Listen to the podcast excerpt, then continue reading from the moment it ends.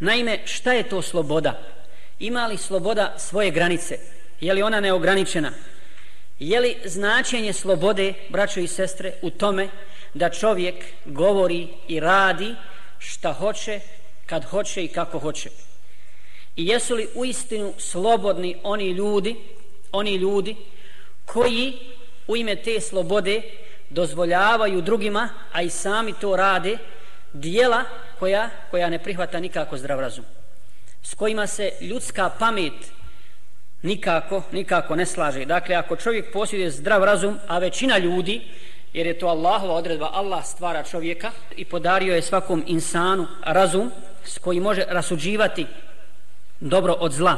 Ja želim na početku konstatirati da je potpuno pogrešno, potpuno dakle pogrešno razumijevanje, razumijevanje slobode, a to ćemo objasniti dakle u ovom našem predavanju, prouzrokovalo, prouzrokovalo opći nered, nasilje, nepravdu i sve druge loše stvari danas u društvu.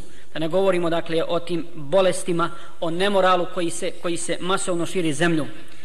Osim toga, nama je jasno da danas u ime slobode, odnosno pod plaštom slobode, nekakve velike sile i velike države napadaju druge države i potpuno ih uništavaju, eksploatišu njihova dobra, ubijaju se nevini ljudi, žene i djeca, sve u ime slobode.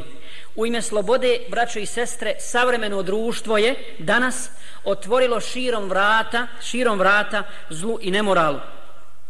U ime slobode, također kako kažu, pozdravili su, pozdravili su, dakle, današnje čovječanstvo, posebno vođe u, u državama, i današnje društvo je pozdravilo homoseksualizam, ozakonilo ga, ozakonilo ga u svojim, u svojim državama, a da ne govorimo blud, odnosno zinaluk, ili, kako oni kažu, slobodni, slobodni seks.